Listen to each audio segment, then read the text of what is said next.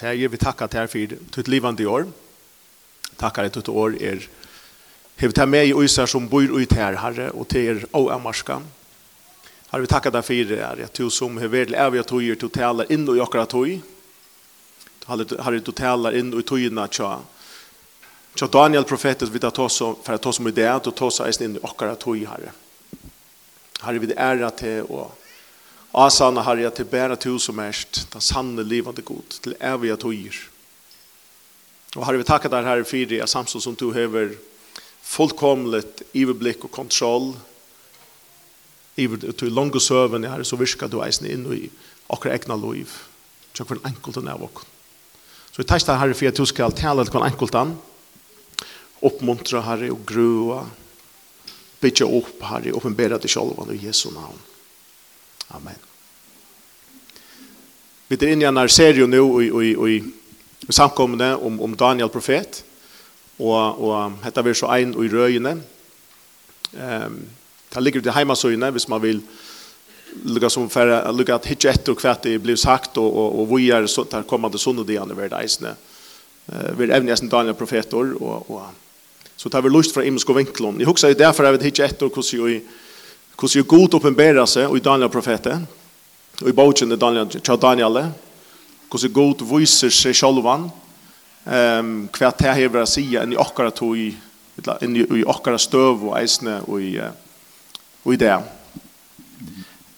Det er at han som alltid høver til, han som alltid ver til, han som alltid hever ver konkur, alltid kommer av konkur, hvordan han um, handlar vi, hans imensko rujtjen, som vi høyre om, til Daniel profetet, hese øyelige kongene, hese øyelige uh, mennene som høyde seg at alt dette valgte, hvordan god virker ut i togene, hvordan god seter konger, hvordan han seter derfra, og ta viser dere noe utrolig klart og tydelig at god er i kontroll. Og i en sånn tog som vi lever i det, er det er utrolig enn jeg var sige, at vi kunne lytte opp, hevje dere eie opp til Herren, at det er for hånden dere hjelp kommer. Det är från honom och våra okkara okkara velaing kemur til frá hånden at at det er vi elvi aluvi kemur til frá hånden at vånen kjemur. Det er sånne ting som vil jeg bjóa okkum vånen i det og det er sånne ting vi kan seta okkar alit og i det. Men det er vera til at vist og så vera det ikke langt men det er ein vån vi hava som er evig. Det er et rujtje som vi er sett i som er evigt.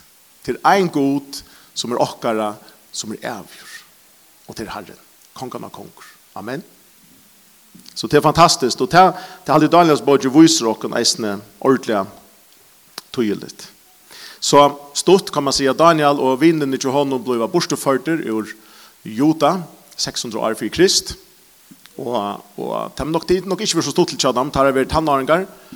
Det har det kanskje sin iPads, det har blivet tikkner og Tar skulle hade bulten under hin armen någon och lukka som skulle få ut att spela hade liv så inom så inom vinon och och men nu får där vita att här blå hashtagna till era show och det var inte inte hoaligt det var inte i det var inte välfärdar samfälla det blev inte korter i i i go on bilon och så vidare det det var harrent primitivt eh ja.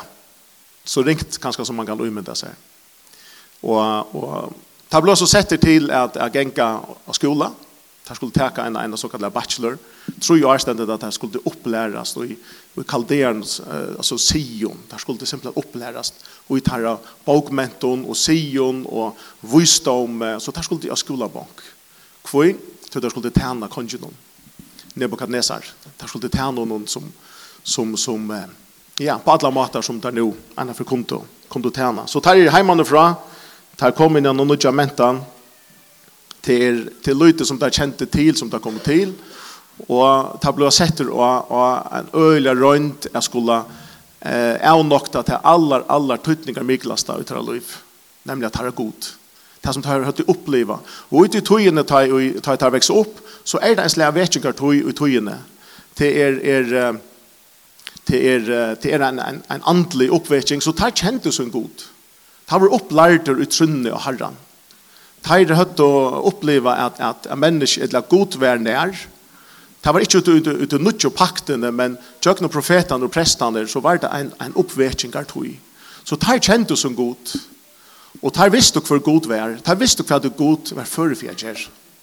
Så der høtte han en god ballast, kan man säga. En ballast som, som var god, men der møtte han noen som var fortjent av sinne imot det her ekna. Det er egna trygg, kan man säga.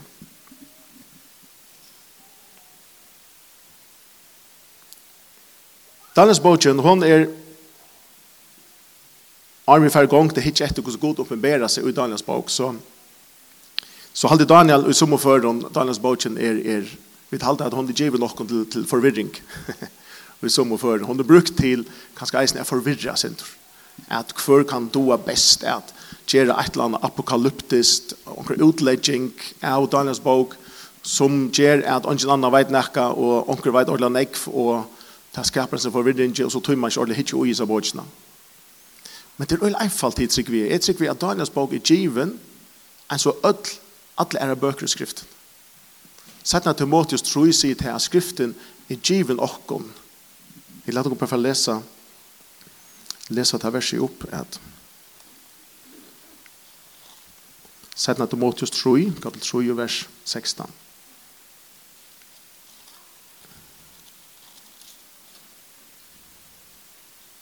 All skriften er innblåst av god, og er nyttig til lærdom, til samføring, til rattlæring, til oppfostran og i rattvis.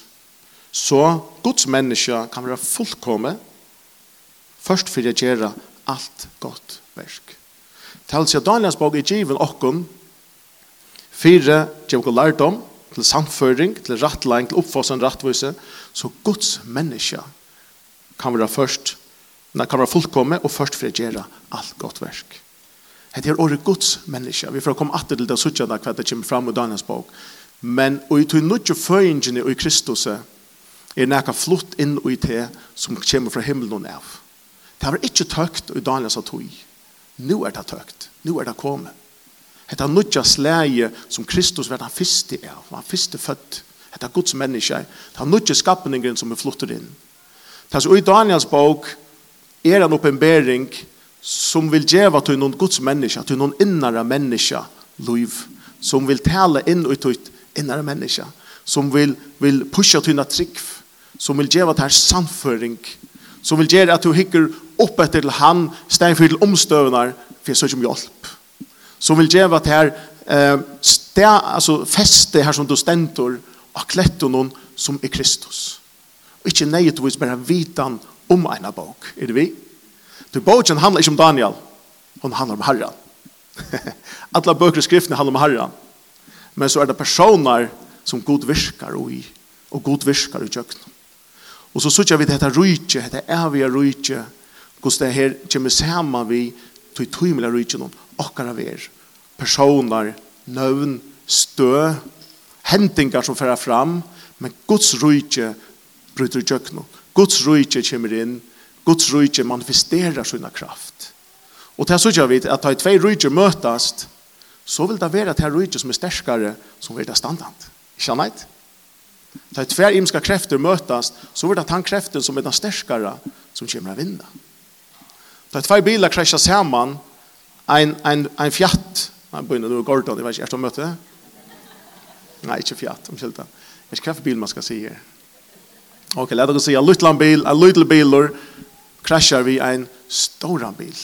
Nå skal vi ikke komme inn av fysikkene og, og hva for krefter virker og ikke. Men det er helt oppvis at, helt klart, at det er en lastbil nere i Sandsølvus som kommer først og henter ned lytla nok så lengt, og kommer knusa, ta lytla tog verre. Men så er det en tid til at det kommer til andlige. Til tvei rydger som eksisterer. Og, og, og så må føren eksistere det li om li, Og i øren før hun krasja det alvorlige sammen. Og tar det helt tydelig i Daniels bok. Jeg vil sige, hva for rujtje vi vinner? Hva er det for rujtje vi stender etter? Og hva er det for rujtje vi må bodjas? Og det er troverstyrkjant. Daniel, han, han er ikke en, en, en sånn vanlig profetor som levde som som tar sig som är profeter. Han han han han säger inte ofta att att så säger Herren alltså till till Israels folk ett alla folk runt om i Israel. Han tåsar inte om sina samtøy. Han tåsar om dreimer som han fær. Han tåsar till kongarna till det som är högt i huvud ämbete men han tåsar om framtøyna han det finns en profetiska gåvor som som han brukar. Och det är akkurat som det här är att ut naturliga så bryter det övernaturliga fram. Och ut naturliga så virkar god ivenaturlig. Her er han ångan livande chans borde haft haft en av seg vitan om, om akkurat dreim til konge, så tryner han framfor kong og forteller konge hva han har drømt. Her ånger er andamenare og, og spamen til konge, kunne du si ett år, her tryner han ånger unglingren inn vi Guds visdom, vi Guds oppenbering og forteller konge hva han har drømt og hva du kommer til å hente. Det er akkurat som at det her rujtje brester inn, og det her øyla rujtje som brottliga åtje ser ut. Det er fantastisk. Og det er det samme som hender i det. Og da jeg bruker ordet even naturligt, så hukser jeg meg sånn en dag, hvem av det even naturligt for god? Er det glas av vattnet? Hvem av det even naturligt? Når det er god, når det er god lukker som, oi, wow, hatt av det even naturlig. Når man god sier at det, ikke så ofte Gud sier det. at wow, hatt han var dammer fra kanna arre. Det som vi mennesker kallar even naturligt, det er jo det naturliga för Gud. Ikke er det ikke det? Ta Gud skapar med den andre, ur onkom puff, så sier jeg, vær til, så er det til. Det er, for Gud er det naturligt. Eins og til naturligt for okkon er det naturlige ting. At tekne til å skapa tekna bort eller telge okkur en kniv eller okkur sår. Det blir naturligt okkur skapa til tingen. For god er ikke ivernaturligt. Hvordan er det så for de menneskene som har sett ut allit av god? Som så vil ha flott fra til, man kan säga, flott fra til naturliga og inn i Guds rujt. Inn i Guds heim. Bliva Guds bøtten. Det burde gjort okkur okkur hukkbord at vi ikke ble vi at henge, henge etter ut det gamle hukkborn om å si og Gud, hvordan blir hatta til at hun kunne gjøre hatta? Gud ønsker å flyte og hukkbor iver i hans rujt, her som han er. Så er snart at ta og iver naturlige ting henta, så er det sjåfølgja. Det er sjåfølgja. Pappa kan jo alt. Ikke han veit? Jeg kom til jo alt i egen og ikke sånn og ikke mer, inntil han en dag kom til min, han var fyra år og sier, pappa, hukk det nye, Du er ikke sterkast i verden. Nu var liksom oppenbering til jeg ikke oppfyr noen. Jeg er ikke sterkast i verden. Kjals, Kjalls, som mynden og kjals alle kommer knekka i, ikke ordentlig nek, men det er ikke største dæren i løyven noen. Men han fant ut og jeg, du er en sær badja mo, en guppe som var kommet til farger, og hei tatoveringar som var fem meter lenkar og 8 meter breier. Og så sjå som var kommet inn og bare, uh, og så har jeg hukket etter mer oppa guppa, ned etter mer oppa etter guppa. Så her skilte jeg at her var en annen makt personer kommet inn og bare, du, du, du er ikke der langer. Ta i vidt for lov til å sitte hvor god er, tjøkne Kristus, hva han er vi gjørst, hva for makter han er vi avvåpna, hva for makter og velter han er vi gjørst til skammar av krossen om, ta røpte til fullgjørst. Ta sitte vidt hver som er haksta makten, haksta myndelegen i universen. Og ta vil det være naturlig eist i akkurat løyve, meir og meir, meir og meir, sti for sti, at suttja at det som god gjør er naturlig. Ja, sjølvande ber det til. Sjølvande ber det til at det som vi kallar even, være even naturlig i akkurat ver, at det hender. At det hender ui tunne løyv, ui munne løyv, ui løyv noen tjatt heimom, som vi kjenner. Ok, la dere fære løsnet inn i Daniel. La oss for hitje etter kapittel 1 og vers 16.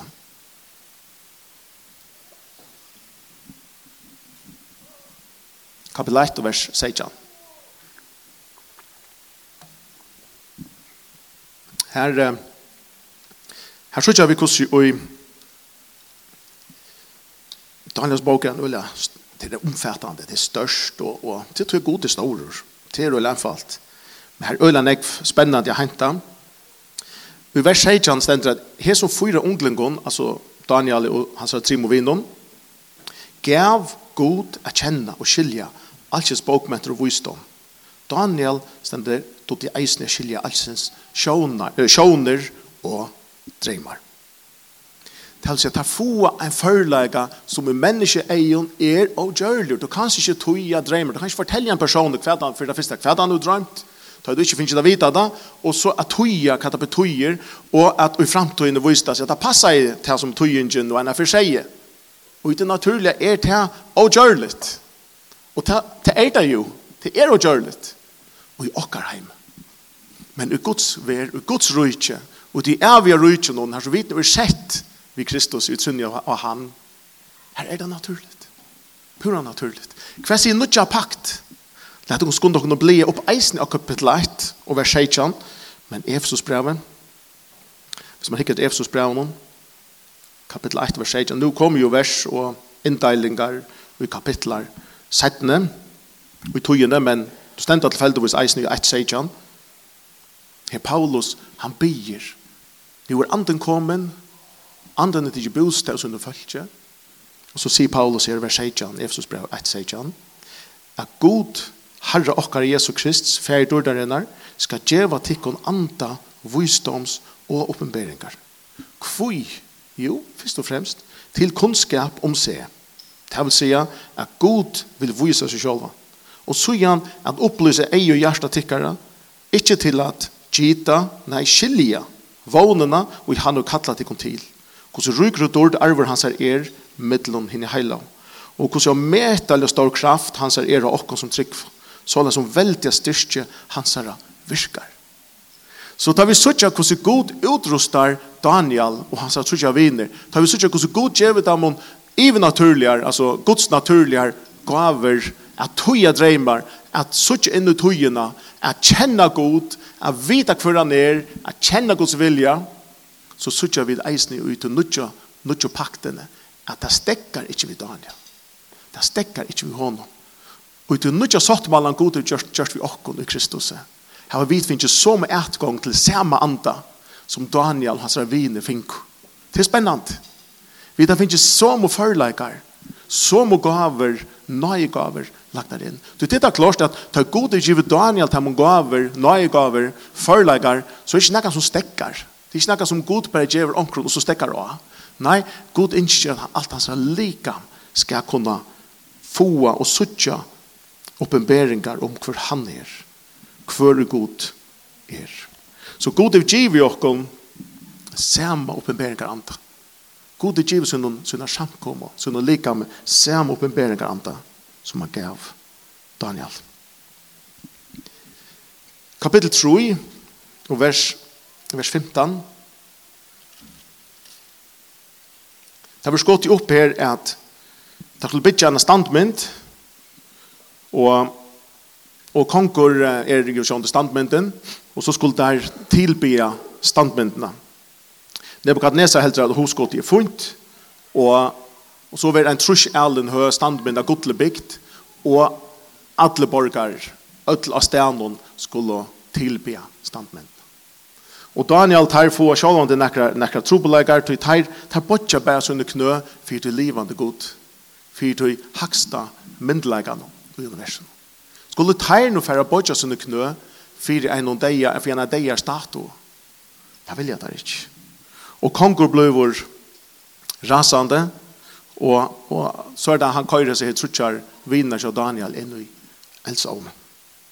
Og vi kjenner søvna, hvordan vi, hvis vi leser fra vers 15, eh, fra vers 16, Daniel kapittel 3, Her tror ikke vi trunna som tar heva. Her tror ikke vi inne av Daniel. Her der sier jeg at Nebukadnesar, okkur nøyts det ikke svære tar år oppa hetta. Det er så sjålsikre disse ungdommene at de sier vi pjøs ikke gong svære der oppa etter som du nå er til gang vi gjør. Men hvis vi nå skulle svære, så svære der. Hva sier ikke? God okkara som vi dyrska er mentor og bjerg okkur. Jord hinn og brennande i elsa henne. Og av hånd tøyne skal han frelsa kongeren Men om så er at han gjør det ikke, altså hvis du hvis han brenner opp, så skal du bare vite at vi dyrker ikke godar tøyne. Og tilby ei helter godlemyndene og to høver lete reise. Og det er ikke tøy at her er intoleranter, at her ikke nå kunne bare knela, knela nå bare nye hvis jeg er myndene. Kanskje kunne ikke bare finne det av, knela nye og så, og så fer løyve vi gjør det. Kanskje ikke bare gjør det, gjør noe bare det her. Kanskje bare sinde på kompromis og så gonger det vi gjør det. Jo, men, men i sommerføren så er det noen ting du kanst og ikke kanst. Der kunne vildi ikke gjenge på kompromis og på at det er oppenbering og til at du finner om for god vær. Det var ikke bare å knela nye for en standmynd og gjøre kongen gleden. Nei, det er så det som et han og imot til livende god. At her nå skulle du fære bodja sånne knø som mynd er at her bokte sånne gjørst og fire til livende god. Og det vildi det der ikke. Så det var ikke i åinskje og måte konje, nei, det var mer i viring og trygg og måte til levande god. At jeg ikke ville bodja, syne knø. Og det var samført rom at god er god. Om jeg ble bjerg, og vi ble bjergeier, så, så er god god, og ble vi ikke bjergeier, ja, men så er god framvis god. Fantastisk. Hatt jeg tala direkte inn i mina støve, her som er mengan hukse kanskje, god er god hvis han bjerger mer. Ja God er god hvis han hjelper mer. God er god hvis han sverar min om bønnen. Så halte jeg god er god. Men hva er det hvis han ikke sverar? Hva er det hvis han ikke, som er så ikke da, hvis han ikke er nær? Er han så god framvis? Sverre ja. Det er han. Til alle tøyer. Fra noen, til evnen. Det er godt å vite. Vi vet som 16 nesten. Vi vet hvordan det gonger. Han kastet deg eldsånden. Og han skruar opp tjejferna hitan.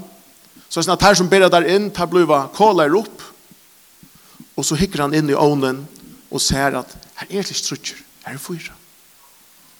Tan kongren som det ikke ville hoa via knela for Nebuchadnezzar, han visste seg elsa om. Det er kongar rujtje som det ikke ville vann æra via knela for en og veikara kongar rujtje, Det har kongerøyke åpenbæra i seg midt inn i støven og blei tar av bjergjeng.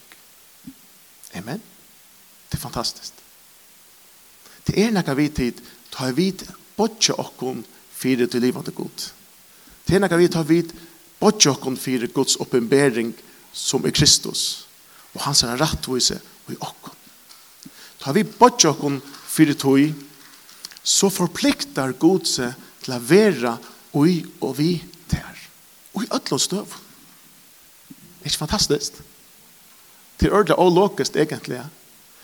At da vi takker måter til som han har givet i okken, så forpliktar han seg, så binder han seg til å være vi okken. Hvor? Tog. Og i de nødvendige paktene, så er god og vit som trygg for av Jesus, vi blir en eit. Rombra sier, hva skal skilje okken fra Guds kærlek? Det er ikke ikke hesten hjemme til at du kommer an. Så da vi bort oss for gode, så gjør han seg til oss. Han gjør vi lengst en givet seg til oss i krossen om 2000 år siden. Men tar vi konkret bort oss for gode, under hans her herredøme, under hesten her er vi rydgen så sier han fint. Nu har vi løyve til, jeg har vi etgang til, jeg har vi legitimitet til å være vitt her, og være ut her, her som to erst. Kan du høre et amen? Amen. Det er størst, det er øyla størst. det er så størst at helt liv kan ikke huksa det opp. Det er så størst at det faktisk kan avvarska okra trygg. Det kan styrst okra trygg. Det kan styrst okra samføring, som, som, som Timotheus sier her.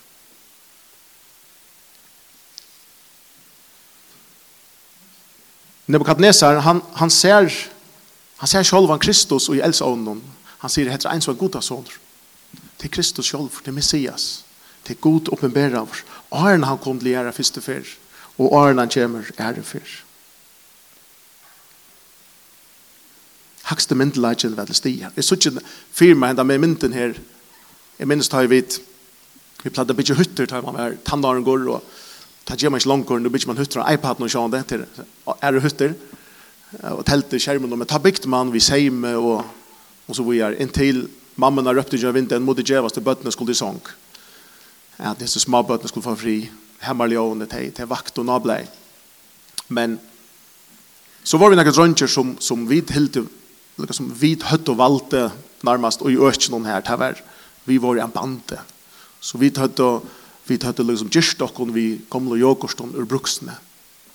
Det är så bruksan här hei blega bostor i containern til at vi det tidsje et land, land om kvölde så när vi var klara att ta emot öron bandon som kom till lejba och vi følte oss jävla stora liksom vi var øyla stärker og att hela bo boar och pojlar och Och det den tar tvär hattar i sig huttene och vi tar vinta for för og hatt och här så vi det alt nablei.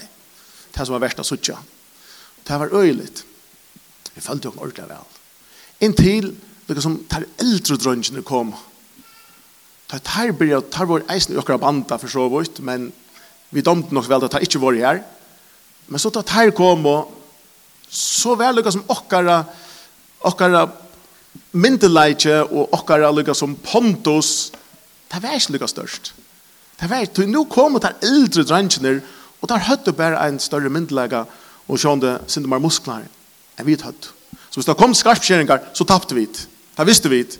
Tog tomte vi ikke ordentlig affære skarpskjengar. Vi var jo hava oss alltid samme hutt og banda. Og... Så da tar vi av narska, så en kjegjer, så måtte vi ned i er hatt. Og vi måtte kanskje være nere i fyrst og hatt, eller vi utanfør og rota sintor. Så tar kom bare inn og får opp i er hatt og kar luk natt, lemme natt. Det var det. Så visste vi tar høtt og bare hentan her myndelaik. Og så einfalt hukse jeg faktisk, da jeg hukse Daniel profet, Els Onen, og disse tingene som hentet middelen hese bei rujtjene at det ene rydde kan brøla som det vera vil, kongene kunne gjøre det samtykter som det vera vil, om at alt skulle knela og godmynder og statuer, og det kunne, hvis ikke så vil det skåre sjumter, og det kunne høtta og gjøre samtykter som det vera vilja. Men det er den hakste myndelagen kommer av scenene, så det ångan tøytning langer. Ångan tøytning langer. Ta må så antiflita det, etla verd og flutter. Amen.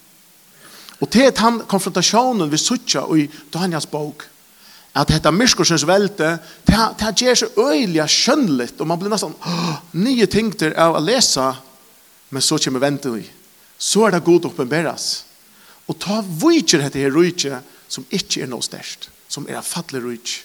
Her satan, som er fattelig angel, er faktisk skaptor. Han er ikke avgjør. Han er skaptor. Han er ikke vær fra avgående til avgående. Han er så nekk lagri rang enn hva god er. Det er ikke tvær lyka jaunbjøves parstar som møtast. Lengt ifra.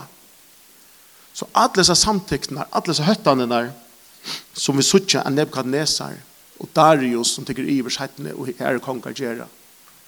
Det er smelta bostor Og ljøs noen av, det at han veldig sanne god, trunner av paddel.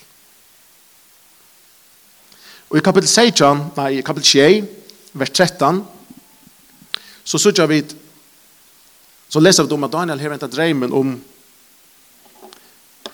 om disse fyra djårene til de fyra rykene som skulle komme i ettertøy. Det er sånn utrolig fascinerende. Vi får høre mer om det og i talen som kommer, om akkurat så tøyerskene, hver ryker, og vi har hørt av vår, hver ryker som kommer, som Daniel profeterer om. Hvordan det vel det passer, hvordan det er fotlo enn som Daniel profeterer. Men så sørger vi her at at Daniel, han sier i, i tjej, kapitel tjej, um, at han ser eisne menneska sonen. Han brukar åre menneska soner. Standa, um, uh, ja, han, han ser menneska sonen stendet da. Og menneska sonen er jo Kristus, titelen. Det er jo Jesus oppenberar.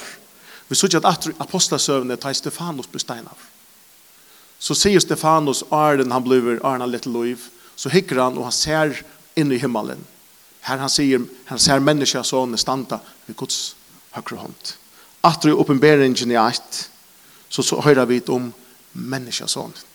Det har heter är vi rike det er her beint, det er ikke kaltande och andre rike må botchas. Schalt om jeg ser andre rike vil jeg ha och kunna botcha så vil jeg ta tej til, som til syvende og sist vi er nødt til å bodja seg for det er vi rydgen. Her gode konger. Hva sier Jesus om menneskesånden? Han sier han er kommet for å tjene. Matteus 2. Menneskesånden er kommet av frelse. Han som eisen var i Daniels bok som åpenberer seg her. Lukas 9. Han er kommet av djeva sitt liv som løser kjalt for mange. Menneskesånden. For det djeva menneskesånden løsensbrei. Johannes 6. Han gikk veien og gjør løying deia og oppreisen, menneskjøsonen. Og i sunn dård er han framveis, menneskjøsonen, som vi sutja i oppenberingen. Hette okkara frelsar, hette tøyen frelsar, hette moin bjarkar.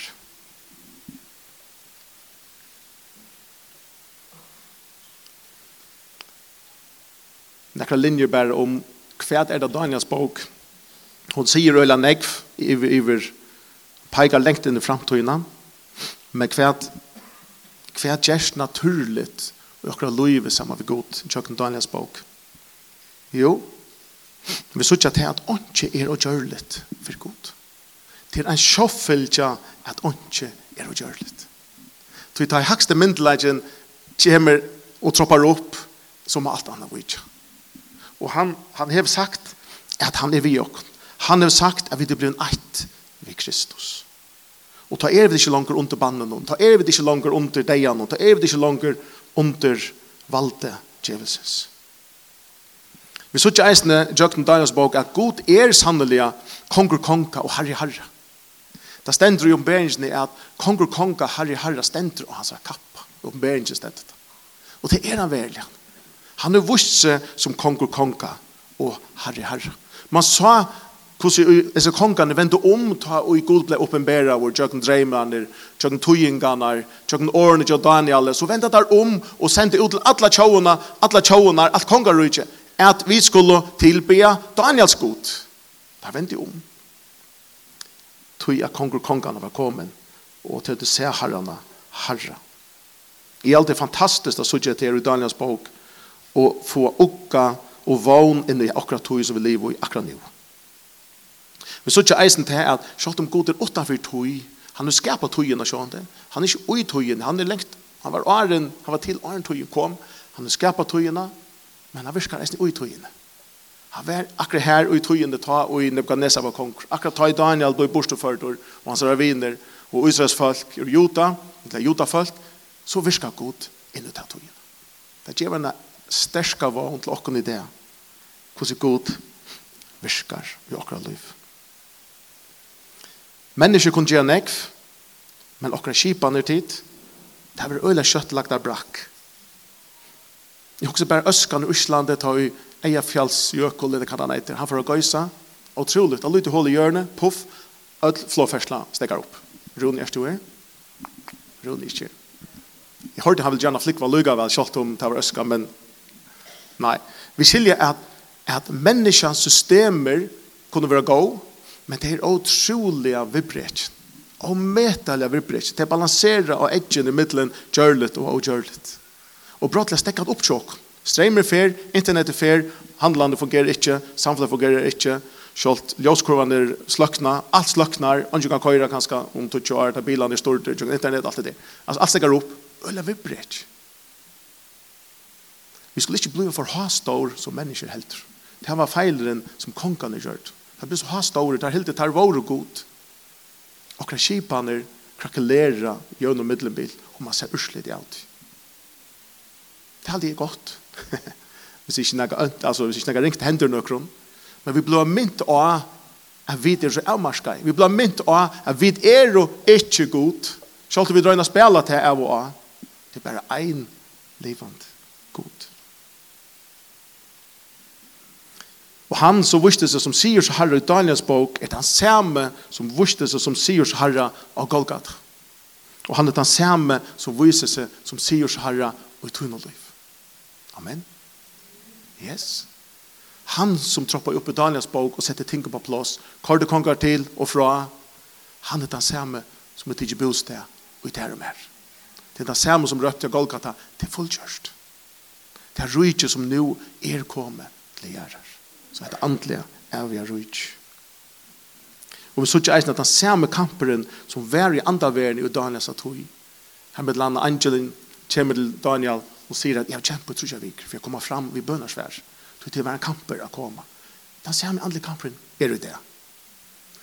Men god är akkurat så ju. God är alltid av sujene til sine folk.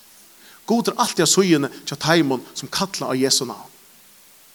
Og tog kunne vi kalla av Jesu navn og vita at Gud er her. Og om man sverar, så er Gud god. Og om man letst om at ikkje sværa, så er Gud god framvis. Det er fantastisk.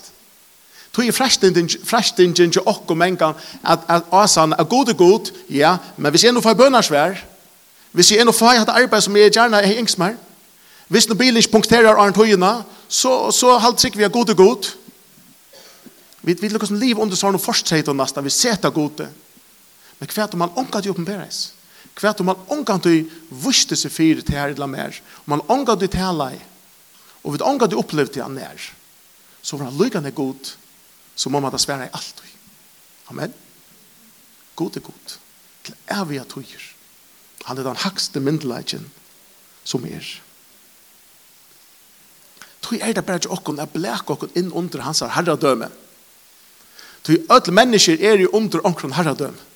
Öll mennesker er i under omkron herradøm. Og det er ikke hakre herradøm til enn okkar einaste livande god. Han er vi. Han legger okkar liv inn under hans herradøm. Legger okkar liv inn under Kristus. Jeg sutt okkar liv ui Kristus som nu tar nudje sottmalen sier. Ta er det ungen annar hakre myndelagjen som kan komme og teke okkar bostor. Det er ingen hakre myndelige som kan teka okkom bostur fra hånden. Ta gjerst det en sjálffylgja. Sjálfande kan ikke skilje okkom fra hos kærleik. Det er ikke sånn at vi klunga oss til det verset og vågner at det passer. Nei, vi vet at det verset passar. Toi god er god. Og han er bestemma det. Om så at öll jörklådan og öll mennesker som nærkant til å ha livet samtidig enn noe annet. god er god.